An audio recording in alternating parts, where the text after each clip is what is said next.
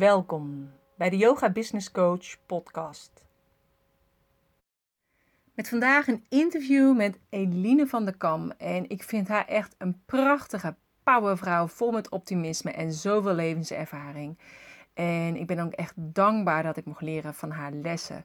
Um, meer over Eline kan je vinden op www.deyogabusinesscoach.nl slash 9. En ik wens je dan ook echt heel veel luisterplezier met deze bijzondere vrouw. Nou, welkom. Ik zit hier met Eline van der Kam. Welkom uh, Eline. Dankjewel. Ja, en um, ik had uh, nou, een tijdje geleden heb ik een artikel over jou gelezen in het Yoga Magazine. En dat vond ik echt zo bijzonder. Dat had me heel erg geraakt.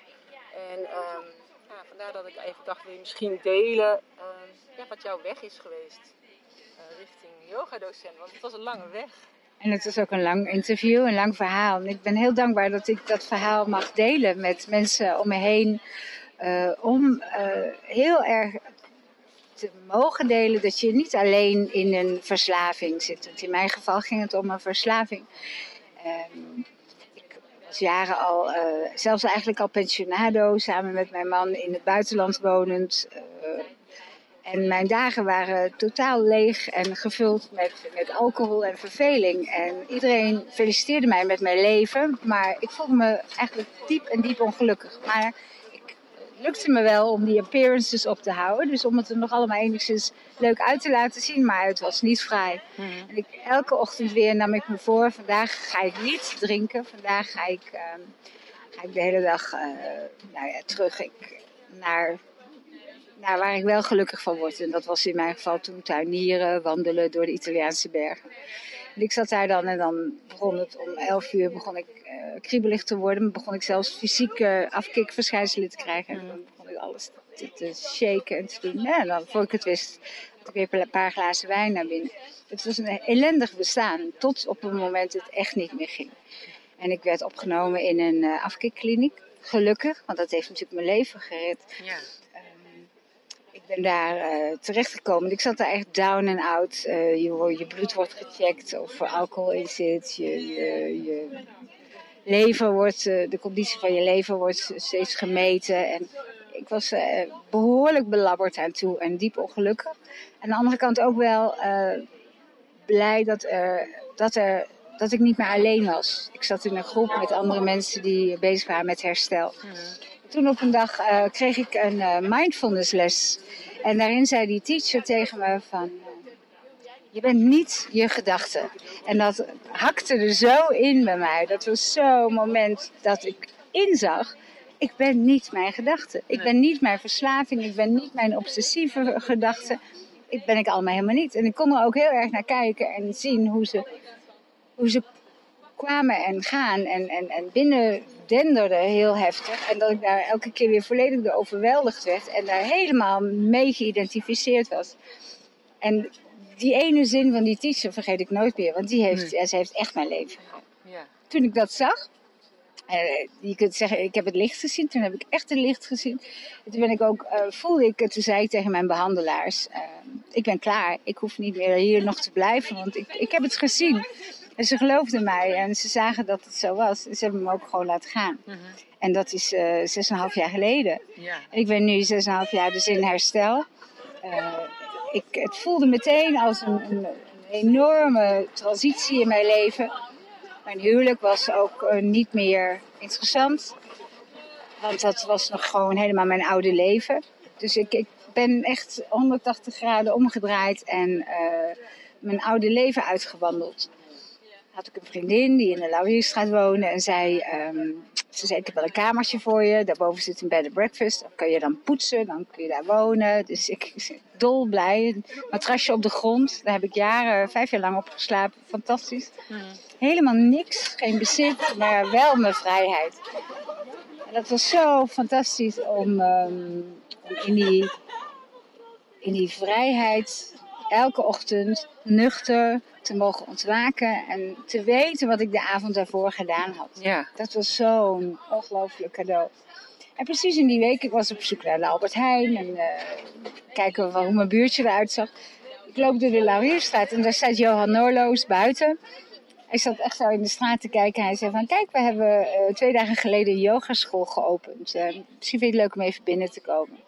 En ik ben naar binnen gemarcheerd achter Johan aan. En ik ben eigenlijk niet meer weggegaan. Nee. Ik ben begonnen met uh, dekentjes vouwen als karma yogi. Ik was heel kwetsbaar, heel fiebel, heel, heel onzeker. Want ik had eigenlijk niks meer.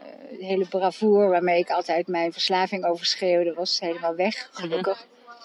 En um, nou, ze hebben mij aan laten modderen daar. Tot op een gegeven moment. Uh, en natuurlijk yogales, yogales, yogales. Ik nam wel drie lessen per dag. Zoals een verslaafde het betaamt. Want je blijft natuurlijk, dat gen van verslaving blijft actief. Alleen hoefde ik nu daar niet meer op te gebruiken en Ja. te drinken. Dus, maar wel in yoga. Ik had zelfs op een gegeven moment een ander abonnement bij een andere school. Dus om het niet te veel op te laten vallen dat ik zo bizar veel lessen nam op een dag. Eh, toen eh, kwam er de mogelijkheid om de teachertraining Vinyasa te gaan doen. Ben ik bij de eerste lichting van de nieuwe yogaschool de training gaan doen. En dat was een eh, openbaring. Mhm. Omdat ik voelde dat, dat, ehm, dat wat ik ervaren had eh, ook echt gedeeld kon worden. Vanuit die ervaring van die eenzaamheid van verslaving. Die eenzaamheid van, van een ernstige ziekte die ik ook nog in het pakket heb gekregen. Om dat te kunnen delen. Om van daaruit ehm, ja, alles wat er op dat moment gebeurt in het lichaam te mogen bestuderen. Zoals je doet in meditatie, zoals Ja. je doet in een yogales. Zonder dat je daarin overweldigd hoeft te worden. En dat is een oefening en dat kunnen we samen oefenen. En dat, eh, dat herkende ik heel erg in die yoga practice terug. En toen eh, ik die vinyasa opleiding had afgerond, voelde ik ook dat, dat daar nog eigenlijk meer ruimte nodig was voor ehm, de mindfulness, de verstilling. Dus toen ben ik eh yin-opleiding gaan doen en daarna meteen een restorative opleiding gaan doen. Dus om, om het totaalpakket ook juist die stilte aan te kunnen bieden. Ja. Ik voel heel erg in de Vinyasa blijf je, in de, ben je eigenlijk aan het cueën. En het cueën, ja, dat is, het leidde me af van de mindfulness, van juist het verstillen. En toen, Waar het eh, eigenlijk ook mee begonnen is natuurlijk, die mindfulness les. Ja, precies. Ja. Ja. dat was precies dezelfde boodschap die ik nog steeds eh, twee keer per les zeg. Je bent niet je gedachten. Mhm. We hebben ze wel, zo'n 60, 70.000 per dag. Ik weet niet wie ze ooit geteld heeft.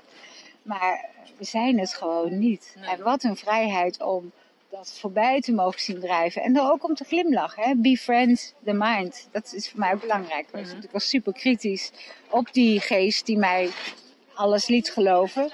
Maar zo werkt het natuurlijk ook niet. Dus je bent altijd nog zelf daarbij om eh, te zien dat al die verhalen gewoon niet waar zijn. Full stop. En dat je elk moment hebben wij die keuze om, als ik in een verhaal zit, om te stoppen.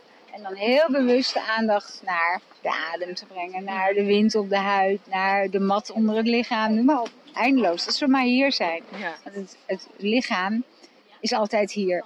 En zo simpel, als wij ons maar kunnen verbinden met het lichaam, dan zijn we er. Ja. En eh, ja, wat een, wat een mooie reis. We zijn nu op het Yoga Festival te Schelling. Ehm, ik heb net een, een eh, restorative les in een duinpan mogen geven. Ja.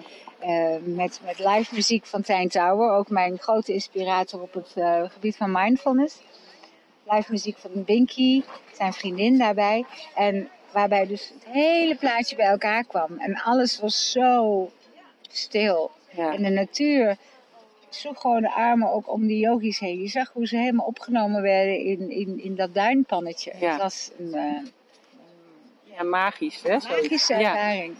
En dat, eh, dat kreeg ik ook na de les. Hadden de yogis dat zelf ook zo ervaren. Uh-huh. Dat is heel bijzonder. Ja. En hoe minder ik in de weg ga staan, hoe minder mijn ego ertussen gaat staan, denken dat ik wat te delen heb, hoe meer het kan stromen. Hoe Mhm. meer die presence van natuurlijk, onze natuurlijke staat gewoon er is. Nou ja, ik denk om ze daar eh, zeg maar attent op te maken dat het er is. Maar het is wel mooi dat je het deelt. Dus ik denk niet dat het het ego is. Want je hebt gewoon heel veel eh, ja, levenswijsheid. Maar ook door wat je hebt, ja, je ervaringen, de, de opleidingen. En dan is het heel mooi om dat juist te delen met anderen. Ja, en inderdaad te delen vanuit die presence, Ja. vanuit die, eh, het zijn, in plaats van vanuit van ik zal eens even iets interessants gaan, Ja. de- gaan vertellen. Of vanuit het ego. Dus het inderdaad van, spreek ik vanuit mijn mind. En soms hoor ik het mezelf doen. Of spreek ik vanuit mijn hart? En dan voel ik het echt dat die verbondenheid onmiddellijk is. Ja, dat het stroomt. En als ik hoor dat ik er vanuit de mind aan het kwebbelen ben over meridianen of dat soort onzin, dan, dan zag ik langzaam naar beneden en dan word ik gewoon maar stil en dan, dan voel ik, oh ja, ik ben er weer in het hart en dan kan het weer stromen. Ja. Dat is ook niet altijd zo natuurlijk. Soms is het gewoon niet zo. En jij geeft nu zelf dan ook de yin yoga opleidingen. Nou, ik ben een mentor. Ik ben een mentor. Dus ik, eh, de mentor is eigenlijk het aanspreekpunt en zorgt ook voor de persoonlijke ontwikkeling, Mhm. begeleiding. Want die is nogal intens tijdens Ja. zo'n opleiding. En eh, wat wij doen tijdens de praktijkdagen is het feitelijk op de mat van de leraar te gaan staan. Dus eh, ja, je krijgt natuurlijk tijdens zo'n opleiding krijg je zoveel workshops en de ene anatomie en alles stem en alles wordt geoefend. Maar dan komt het moment dat je al die kennis zelf gaat manifesteren op je mat in de rol van de leraar. En dat is eh, mijn taak. En dat is mooi, want dan, dan kom je alles tegen. Al je oude angsten, al je falen van vroeger middelbare scholen. Alles wat niet gezien mag worden. Een schaamte over een stem, over een figuur, over wat Ja. dan ook. Alles komt. Alles Ja. komt. Dus het is, het is heel intens hoe we dat met elkaar doen. En, en dan op een gegeven moment gewoon gaan staan op die mat. Ja. Jij bent de leraar, pak die rol maar. Ja. Het is maar een rol. Je bent niet de Nee, je bent het niet. Je bent inderdaad een rol. Je speelt een rol. Ja. En, en, en om die rol met verven te spelen. En eh, vanuit je authentisch, authentieke zijn. Dus, dus inderdaad, dat, dat landen, ik vind het een rot woord, maar dat landen. Eh, van daaruit kan je pas les gaan geven. Mhm. En eh, daar besteden we veel aandacht aan. Ja. Zorg is maar dat je er zelf bent. En de studenten die gaan wel met je mee. Ja, je krijgt altijd de mensen die bij jou horen, die bij jouw energie passen. Altijd. Ja. Ja. En jij had het net ook over die authenticiteit. En ik denk dat dat is ook altijd het belangrijkste. hè. Heel veel mensen willen inderdaad ergens op iemand lijken of ze hebben het op die manier geleerd. Ja. Maar ik denk dat het altijd goed is om je eigen draai eraan te geven. En Tuurlijk, weet je, bepaalde dingen moet je gewoon doorgeven zoals je het hebt geleerd van leraar op, eh, op leerling. Want je, je blijft natuurlijk altijd leerling. Ehm, maar hoe probeer jij dat te doen? Zodat je toch vanuit jezelf het overdraagt. Ik ervaar heel sterk dat dat wat voor mij werkt, Hm. dat eh, kan ik alleen maar eh, doorgeven. Dus eh, als het resoneert bij mij en ik, het- ik voel dat ik die stilte, dat ik daar langere tijd kan blijven en van daaruit les kan geven, dan weet ik dat, dat, dat ik dan aan het lesgeven ben vanuit mijn natuurlijke staat en niet een- weer een jurk omhang en een bepaalde rol Mhm. een techniek of een traditie of een guru of een wat dan ook nadoe. Dus ik, ik, het is heel erg voelen. Het is steeds weer terugkeren naar het hart. En hoe voelt dit? Voelt het niet waarlijk? Voelt het als een, als een, als een hè, alles wat niet waar is, gaat op een gegeven moment zo shaken dat je er niet meer mee kunt leven. En dus dat te herkennen, dat los te laten en terug te keren naar dat wat wel waar is, dat geeft eh, zoveel rust. Want er zijn geen geheimen meer, er zijn geen techniekjes meer, geen fratsen, geen appearances, maar gewoon alleen maar die presence. Mhm. Ja. Ja, vanuit jezelf. ja.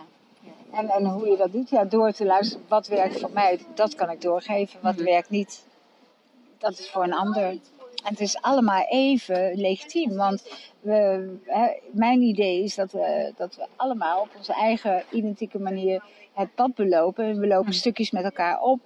Dat is fantastisch. En als ik mezelf herken in mijn leraar en, en, en, en het resoneert, dan loop ik met die persoon op. En die waarschuwt me en die ziet diepe kuilen en ravijnen, ligt af en toe bij. En daar ga ik mee, Ja. helemaal mee mee. En zo merk ik dat, dat andere studenten ook eh, vertrouwen op mij. En zo wordt het heel organisch doorgegeven, zonder dat daar een ehm, sticker opgeplakt hoeft te worden. Mhm. Dit is de tradities, dit is de yoga Ja. manier. Kijk, we noemen het restorative of yin, maar dat is meer de, ja, de asana. Welke soort asana doen Ja, en dat wel een beetje iemand weet, oh, dat is wat we ongeveer gaan doen. Maar uiteindelijk is het altijd nog aan de leraar die het overbrengt. Juist. Ja, Ja, dat je het allemaal dezelfde opleiding doen, maar iedereen doet het toch met zijn eigen touch, denk ik. absoluut. Ja, Wel heel erg bewust nu in het proces ervaar dat het steeds stiller wordt en ook de, de practice steeds stiller wordt. ja ik zie ook denk ik echt een groei ook van restorative yoga. Het was met Yin echt al sinds een paar jaar, drie jaar of zo nu. En nu zit de restorative. Dus ik denk ook dat steeds meer mensen daar toch behoefte hebben aan die rust. Ja, het is, onze maatschappij is zo ongelooflijk jong. En, en die actie en het moeten en de ambitie. En zelfs in een Ashtanga-les en zelfs in een yin-stretch wil je toch een maximale eruit. Dat is de menselijke geest doet dat gewoon. Die Mhm. neemt het volledig over en die kidnapt ons en, en, en gaat er vandoor met alle ambitie. Ehm, en om dan dat gevoel te hebben, om zo min mogelijk te hoeven doen en zoveel mogelijk te zijn, in plaats van toch weer een taakje voor de geest te geven. Geen taakjes, silence. Eh, dat is denk ik onze grootste uitdaging in deze menselijke vorm. En dat is fantastisch om in een restorative les daar naartoe te mogen gaan. Wat ik heel erg ervaar is als ik mensen zeg, komen jullie mediteren? Zit ik alleen in de les. Als ik vraag, komen jullie restorative les doen of een yin les? Dan is de les vol. Mhm. Dus ik heb mijn meditatie, noem ik niet meer zo, geef ik ook niet meer. Maar ik geef wel restorative en we doen exact hetzelfde. Oh, Alleen leggen we het lichaam af en toe in een andere houding. ja. En dat is het, dat is het enige. Maar dat geeft toch precies die ontspanning die nodig is om te kunnen mediteren. Ja. Dus je kunt pas mediteren als, als het lichaam gekalmeerd is, als de geest eh, wat ruimte tussen al die verhalen komt. En dan pas kun je beginnen met Ja. meditatie. En niet als je denkt, oh mijn god, ik kan niet zitten, ik, ik kan dit allemaal niet. Dan, dan kom je nooit niet eens Ik in heb de- jeuk, ik wil even krabben. Ja, Even verzitten, ja. Dan, dan, dan is geen beginnen aan. Nee. Dus ik, ik merk dat Restorative een geweldige eh, open poort is naar verdieping. Mhm. Ik noem het maar meditatie, maar ik weet niet wat werkt. Verstilling. Ja, wel heel mooi. En als je nu zou eh, kijken, stel jij bent een yogamat, wat voor mat zou jij dan zijn? Heel zacht en dun en zo min mogelijk eh, obstructie tussen yogi en de aarde. Oké, nou, een bijzondere mat. Ja. ja. Eh, nou, dankjewel voor het interview. gedaan. Heel fijn dat je de tijd hebt genomen om naar me te luisteren. Ja, Dankjewel. ja, ja ook dankjewel. Namaste. Namaste.